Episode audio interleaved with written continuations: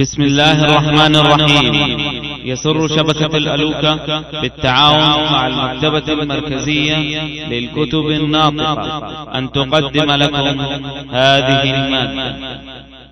تفسير سورة المائدة لابن كثير. نواصل قراءة تفسير سورة المائدة من قوله تعالى من أجل ذلك كتبنا على بني إسرائيل أنه من قتل نفسا. الآية الصفحة السادسة والأربعون. أعوذ بالله من الشيطان الرجيم. بسم الله الرحمن الرحيم. من أجل ذلك كتبنا على بني إسرائيل أنه من قتل نفسا بغير نفس بغير نفس أو فساد في الأرض فكأنما قتل الناس جميعا ومن أحياها ومن أحياها فكأنما أحيا الناس جميعا. ولقد جاءتهم رسلنا بالبينات ثم إن كثيرا منهم ثم إن كثيرا منهم بعد ذلك في الأرض لمسرفون. إنما جزاء الذين يحاربون الله ورسوله ويسعون ويسعون في الأرض فسادا أن يقتلوا أو يصلبوا أو تقطع أيديهم وأرجلهم أو تقطع أيديهم وأرجلهم من خلاف أو ينفوا من الأرض. ذلك لهم خزي في الدنيا ولهم في الآخرة عذاب عظيم. إلا الذين تابوا من قبل أن تقدروا عليهم من قبل أن تقدروا عليهم فاعلموا أن الله غفور رحيم. يقول تعالى من أجل قتل ابن آدم أخاه ظلما وعدوانا كتبنا على بني إسرائيل. أي شرعنا لهم وأعلمناهم أنه من قتل نفسا بغير نفس أو فساد في الأرض فكأنما فكأنما قتل الناس جميعا ومن أحياها ومن أحياها فكأنما أحيا الناس جميعا. أي من قتل نفسا بغير سبب من قصاص أو فساد في الأرض واستحل قتلها بلا سبب ولا جناية فكأنما قتل الناس جميعا. لأنه لا فرق عنده بين نفس ونفس. ومن أحياها أي حرم قتلها واعتقد ذلك فقد سلم الناس كلهم منه بهذا الاعتبار. ولهذا قال فكأنما أحيا الناس جميعا. وقال الأعمش وغيره عن أبي صالح عن أبي هريرة قال دخلت على عثمان يوم الدار فقلت جئت لأنصرك وقد طاب الضرب يا أمير المؤمنين. فقال يا أبا هريرة أيسرك أن تقتل الناس جميعا وإياي معهم؟ قلت لا. قال فإنك إن قتلت رجلا واحدا فكأنما قتلت الناس جميعا. فانصرف مأذونا لك مأجورا غير مأزور. قال فانصرفت ولم أقاتل. وقال علي بن أبي طلحة عن ابن عباس هو كما قال الله تعالى من قتل نفسا بغير نفس فكأنما قتل الناس جميعا ومن أحياها ومن أحياها فكأنما أحيا الناس جميعا. وإحياؤها ألا يقتل نفسا حرمها الله فذلك الذي أحيا الناس جميعا. يعني أنه من حرم قتلها إلا بحق حي الناس منه. وهكذا قال مجاهد. ومن أحياها أي كف عن قتلها وقال العوفي عن ابن عباس في قوله فكأنما قتل الناس جميعا يقول من قتل نفسا واحدة حرمها الله فهو مثل من قتل الناس جميعا. وقال سعيد بن جبير من استحل دم مسلم فكأنما استحل دماء الناس جميعا. ومن حرم دم مسلم فكأنما حرم دماء الناس جميعا. هذا قول وهو الأظهر. وقال عكرمة والعوفي عن ابن, عن ابن عباس من قتل نبيا أو إمام عدل فكأنما قتل الناس جميعا ومن شد على عضد نبي أو إمام عدل فكأنما أحيا الناس جميعا. رواه ابن جرير. وقال مجاهد في رواية أخرى عنه من قتل نفسا بغير نفس فكأنما قتل الناس جميعا وذلك لأن من قتل النفس فله النار فهو كما لو قتل الناس كلهم. قال ابن جريج عن الأعرج عن مجاهد في قوله فكأنما قتل الناس جميعا. من قتل النفس المؤمنة متعمدا جعل الله جزاءه جهنم وغضب عليه ولعنه وأعد له عذابا عظيما. يقول لو قتل الناس جميعا لم يزد على مثل ذلك العذاب. قال ابن جريج قال مجاهد ومن أحياها فكأنما أحيا الناس جميعا. قال من لم يقتل أحدا فقد حي الناس منه. وقال عبد الرحمن بن زيد بن أسلم من قتل نفسا فكأنما قتل الناس يعني فقد وجب عليه القصاص فلا فرق بين الواحد والجماعة. ومن أحياها أي عفى عن قاتل وليه فكأنما أحيا الناس جميعا. وحكى ذلك عن أبيه. رواه ابن جرير وقال مجاهد في رواية ومن أحياها أي أنجاها من غرق أو حرق أو هلكة. وقال الحسن وقتادة في قوله إنه من قتل نفسا بغير نفس فكأنما قتل الناس جميعا. هذا تعظيم لتعاطي القتل. في قوله أنه من قتل نفسا بغير نفس فكأنما قتل الناس جميعا هذا تعظيم لتعاطي القتل. قال قتادة عظيم والله وزرها وعظيم والله أجرها.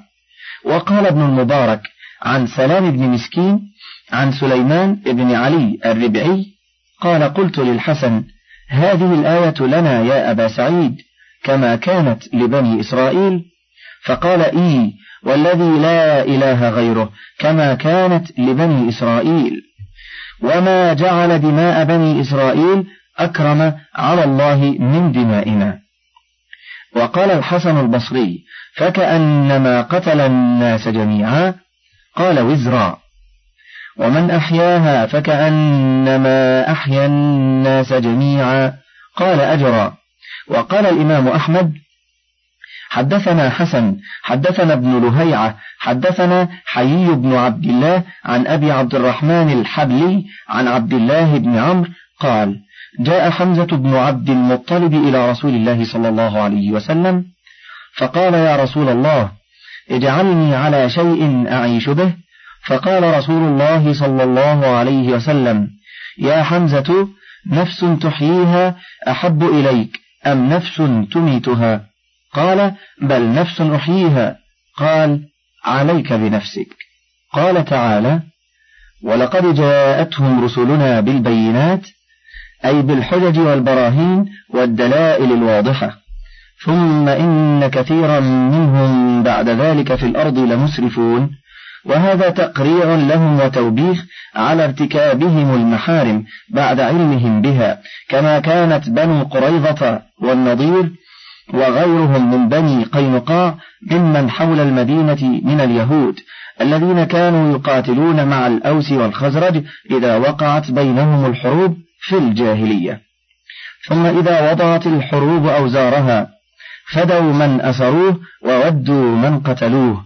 وقد أنكر الله عليهم ذلك في سورة البقرة حيث يقول وإذ أخذنا ميثاقكم لا تسفكون دماءكم ولا تخرجون أنفسكم من دياركم ولا تخرجون أنفسكم من دياركم ثم أقررتم وأنتم تشهدون ثم أنتم هؤلاء تقتلون أنفسكم وتخرجون فريقا وتخرجون فريقا منكم من ديارهم تظاهرون عليهم بالإثم والعدوان.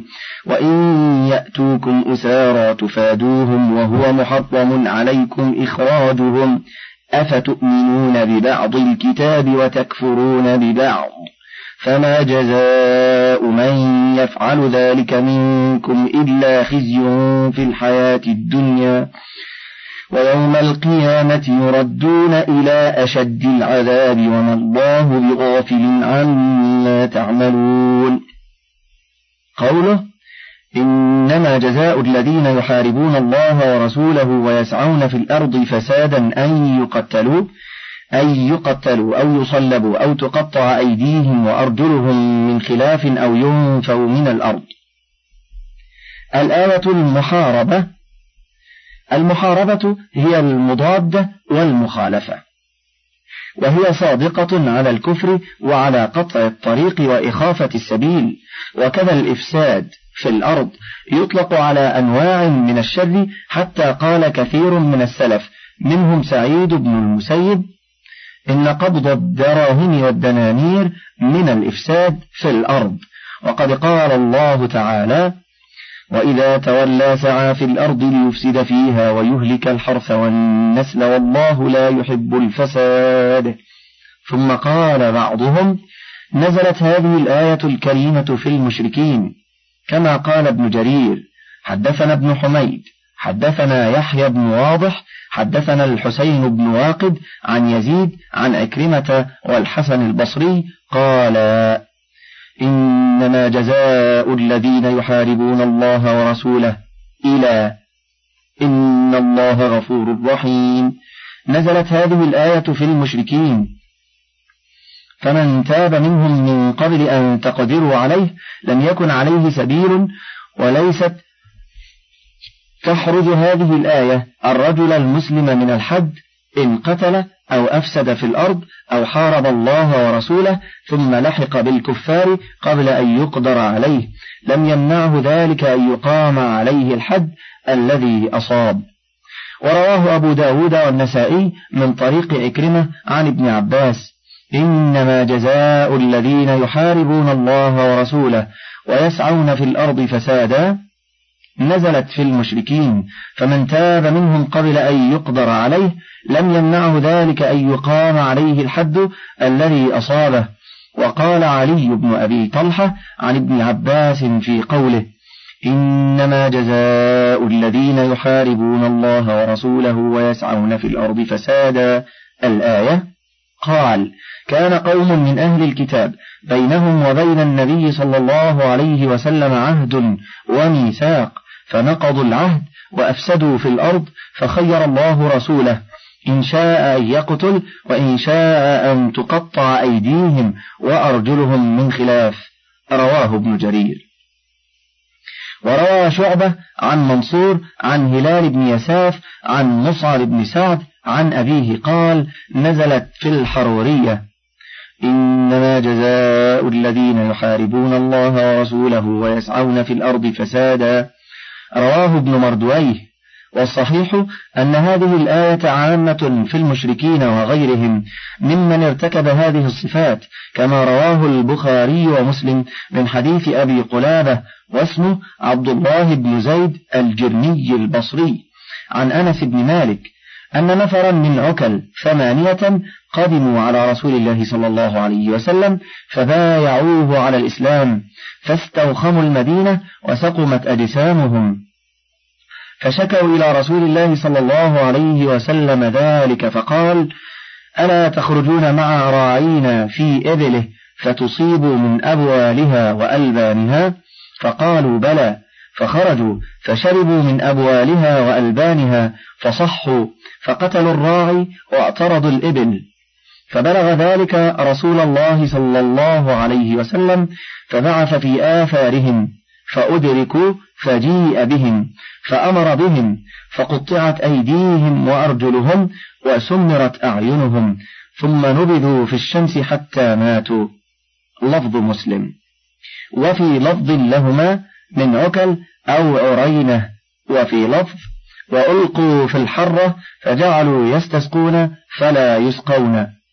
وفي لفظ لمسلم ولم يحسمهم وفي البخاري قال أبو قلابة فهؤلاء سرقوا وقتلوا وكفروا بعد إيمانهم وحاربوا الله ورسوله. ورواه مسلم من طريق هشيم عن عبد العزيز بن صهيب وحميد عن أنس فذكر نحوه وعنده فارتدوا. وقد أخرجاه من رواية قتادة عن أنس بنحوه. وقال سعيد عن قتادة من عكل وعرينة. ورواه مسلم من طريق سليمان التيمي عن أنس قال إنما سمن النبي صلى الله عليه وسلم أعين أولئك لأنهم سمروا أعين الرعاء. ورواه مسلم من حديث معاوية بن قرة عن أنس قال أتى رسول الله صلى الله عليه وسلم نفر من عرينة فأسلموا وبايعوه وقد وقع بالمدينة الموم وهو البرسام. ثم ثم ذكر نحو حديثهم وزاد عنده شباب من الأنصار قريب من عشرين فأرسلهم وبعث معهم قائفة يقفو أثرهم. وهذه كلها ألفاظ مسلم رحمه الله. وقال حماد بن سلمة حدثنا قتادة وثابت البناني وحميد الطويل عن أنس بن مالك أن ناسا من عرينة قدموا المدينة فاجتووها فبعثهم رسول الله صلى الله عليه وسلم في إبل الصدقة وأمرهم أن يشربوا من أبوالها وألبانها ففعلوا فصحوا فارتدوا عن الإسلام وقتلوا الراعي وساقوا الإبل. فأرسل رسول الله صلى الله عليه وسلم في آثارهم فجيء بهم فقطع أيديهم وأرجلهم من خلاف وسمر أعينهم وألقاهم في الحرة. قال أنس فلقد رأيت أحدهم يكدم الأرض بفيه عطشا حتى ماتوا ونزلت إنما جزاء الذين يحاربون الله ورسوله. الآية وقد رواه أبو داود والترمذي والنسائي وابن مردويه وهذه لفظه. وقال الترمذي حسن صحيح وقد رواه ابن مردويه من طرق كثيرة عن أنس بن مالك منها ما رواه من طريقين عن سلام بن أبي الصهباء عن ثابت عن أنس بن مالك قال ما ندمت على حديث ما ندمت على حديث سألني عنه الحجاج قال أخبرني عن أشد عقوبة عاقب بها رسول الله صلى الله عليه وسلم. قال قلت قدم على رسول الله صلى الله عليه وسلم قوم من عرينة من البحرين فشكوا إلى رسول الله صلى الله عليه وسلم ما لقوا من بطونهم وقد اصفرت ألوانهم وضمرت بطونهم. فأمرهم رسول الله صلى الله عليه وسلم أن يأتوا إبل الصدقة فيشربوا من أبوالها وألبانها. حتى إذا رجعت إليهم ألوانهم وانخمصت بطونهم عمدوا إلى الراعي فقتلوه واستاقوا الإبل. فأرسل رسول الله صلى الله عليه وسلم في آثارهم فقطع أيديهم وأرجلهم وسمر أعينهم ثم ألقاهم في الرمضاء حتى ماتوا. فكان الحجاج إذا صعد المنبر يقول إن رسول الله صلى الله عليه وسلم قد قطع أيدي قوم وأرجلهم ثم ألقاهم في الرمضاء حتى ماتوا بحال ذود من الإبل. فكان الحجاج يحتج بهذا الحديث على الناس. وقال ابن جرير حدثنا علي بن سهل حدثنا الوليد يعني ابن مسلم حدثني سعيد عن قتادة عن أنس قال كانوا أربعة نفر من عرينة وثلاثة نفر من عكل فلما أتي بهم قطع أيديهم وأرجلهم وسمل أعينهم ولم يحسنهم وتركهم يلتقمون الحجارة بالحرة فأنزل الله في ذلك إنما جزاء الذين يحاربون الله ورسوله.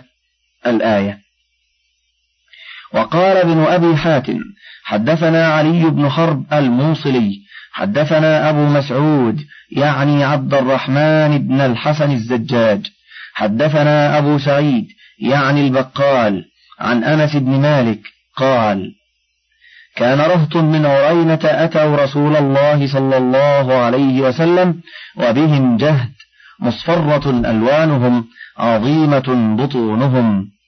هامش في نسخة فطيمة بطونهم.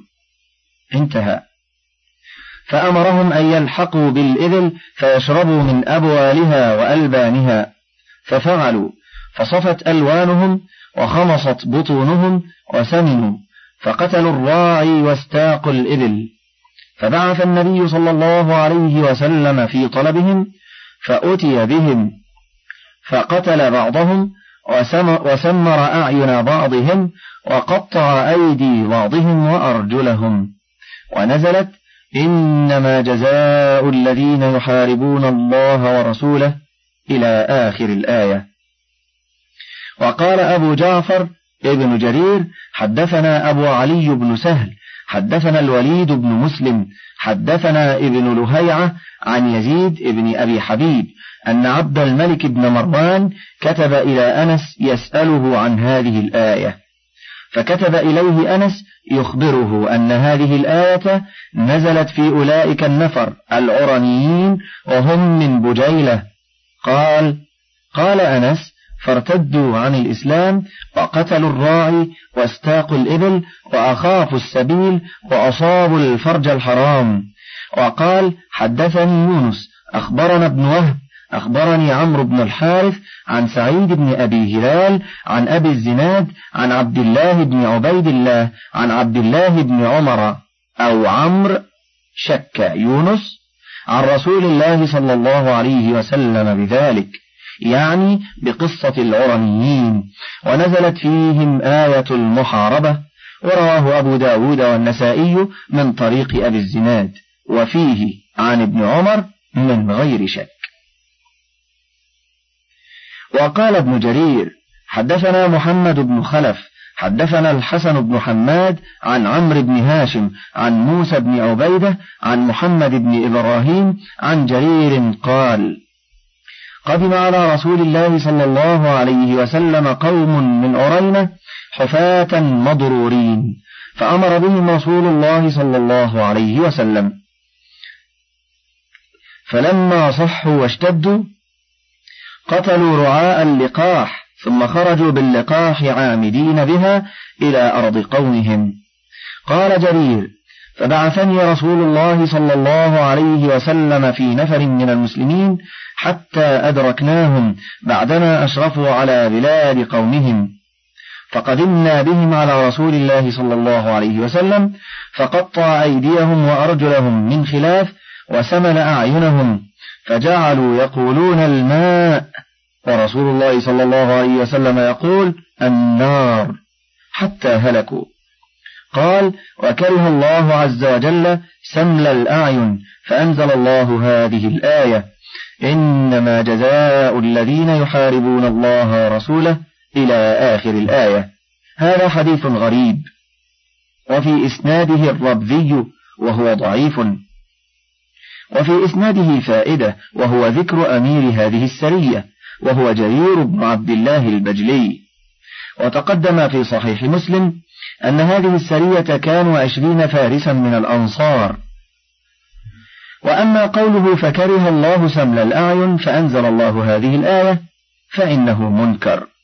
وقد تقدم في صحيح مسلم أنهم سملوا أعين الرعاء فكان ما فعل بهم قصاصا والله أعلم. وقال عبد الرزاق عن إبراهيم ابن محمد الأسلمي عن صالح مولى التوأمة عن أبي هريرة قال قدم على رسول الله صلى الله عليه وسلم رجال من بني فزارة قد ماتوا هزلا فأمرهم النبي صلى الله عليه وسلم إلى لقاحة فشربوا منها حتى صحوا ثم عمدوا إلى لقاحة فسرقوها فطلبوا فأتي بهم النبي صلى الله عليه وسلم فقطع أيديهم وأرجلهم وسمر أعينهم قال أبو هريرة ففيهم نزلت هذه الآية إنما جزاء الذين يحاربون الله ورسوله. فترك النبي صلى الله عليه وسلم سمر الأعين بعد. وروي من وجه آخر عن أبي هريرة وقال أبو بكر ابن مردويه حدثنا أحمد بن إسحاق حدثنا الحسين بن, إسحاق, بن إسحاق التستري حدثنا أبو القاسم محمد بن الوليد عن عمرو بن محمد المديني حدثنا محمد بن طلحة عن موسى بن محمد بن إبراهيم التيمي عن أبيه عن أبي سلمة بن عبد الرحمن عن سلمة بن الأكوع قال كان للنبي صلى الله عليه وسلم غلام يقال له يسار. فنظر إليه يحسن الصلاة فأعتقه وبعثه في لقاح له بالحرة فكان بها. قال فأظهر قوم الإسلام من عرينة وجاءوا وهم مرضى موعوكون قد عظمت بطونهم. قال فبعث بهم النبي صلى الله عليه وسلم إلى يسار فكانوا يشربون من ألبان الإبل حتى انطوت بطونهم. ثم عدوا على يسار فذبحوه وجعلوا الشوك في عينيه. ثم أطردوا الإبل. فبعث النبي صلى الله عليه وسلم في آثارهم خيلا من المسلمين كبيرهم كرز بن جابر الفهري. فلحقهم فجاء بهم إليه فقطع أيديهم وأرجلهم وسمل أعينهم. غريب جدا. وقد روى قصة العرين العرميين من حديث جماعة من الصحابة منهم جابر وعائشة وغير واحد. وقد اعتنى الحافظ الجليل أبو بكر ابن مردويه بتطريق هذا الحديث من وجوه كثيرة جدا فرحمه الله وأثابه. وقال ابن جرير حدثنا محمد حدثنا محمد بن علي ابن الحسين ابن شقيق سمعت أبي يقول سمعت أبا حمزة عن عبد الكريم وسئل عن أبوال الإبل فقال حدثني سعيد بن جبير عن المحاربين فقال كان أناس أتوا رسول الله صلى الله عليه وسلم فقالوا نبايعك على الإسلام فبايعوه وهم كذبة وليس الإسلام يريدون. ثم قال ثم قالوا إنا نجتوي المدينة. فقال النبي صلى الله عليه وسلم هذه اللقاح تغدو عليكم وتروح فاشربوا من أبوالها وألبانها.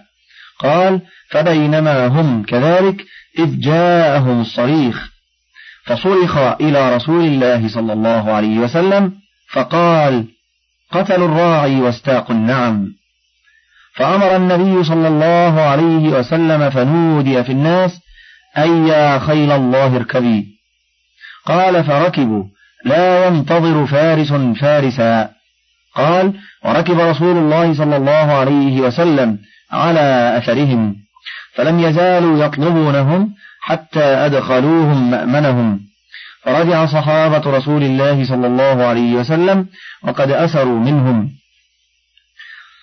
فأتوا بهم النبي صلى الله عليه وسلم فأنزل الله إنما جزاء الذين يحاربون الله ورسوله الآية. قال فكان نفيهم أن نفوهم حتى أدخلوهم مأمنهم وأرضهم ونفوهم من أرض المسلمين. وقتل نبي الله صلى الله عليه وسلم منهم وصلب وقطع وسمر الأعين. قال فما مثل رسول الله صلى الله عليه وسلم قبل ولا بعد. قال ونهى عن المثلة. وقال ولا تمثلوا بشيء. قال وكان أنس يقول يقول ذلك غير أنه قال أحرقهم بالنار بعدما قتلهم. قال وبعضهم يقول هم ناس من بني سليم ومنهم من أرينة وناس من بجيلة. وقد اختلف الأئمة في حكم هؤلاء العرنيين هل هو منسوخ أو محكم؟ فقال بعضهم هو منسوخ بهذه الآية وزعموا أن فيها عتابا للنبي صلى الله عليه وسلم كما في قوله عفى الله عنك لما أذنت لهم. ومنهم من قال هو منسوخ بنهي النبي صلى الله عليه وسلم عن المثلة. وهذا القول فيه نظر. ثم قائله مطالب ببيان تأخر الناسخ الذي ادعاه عن المنسوخ. من فضلك تابع بقية المادة.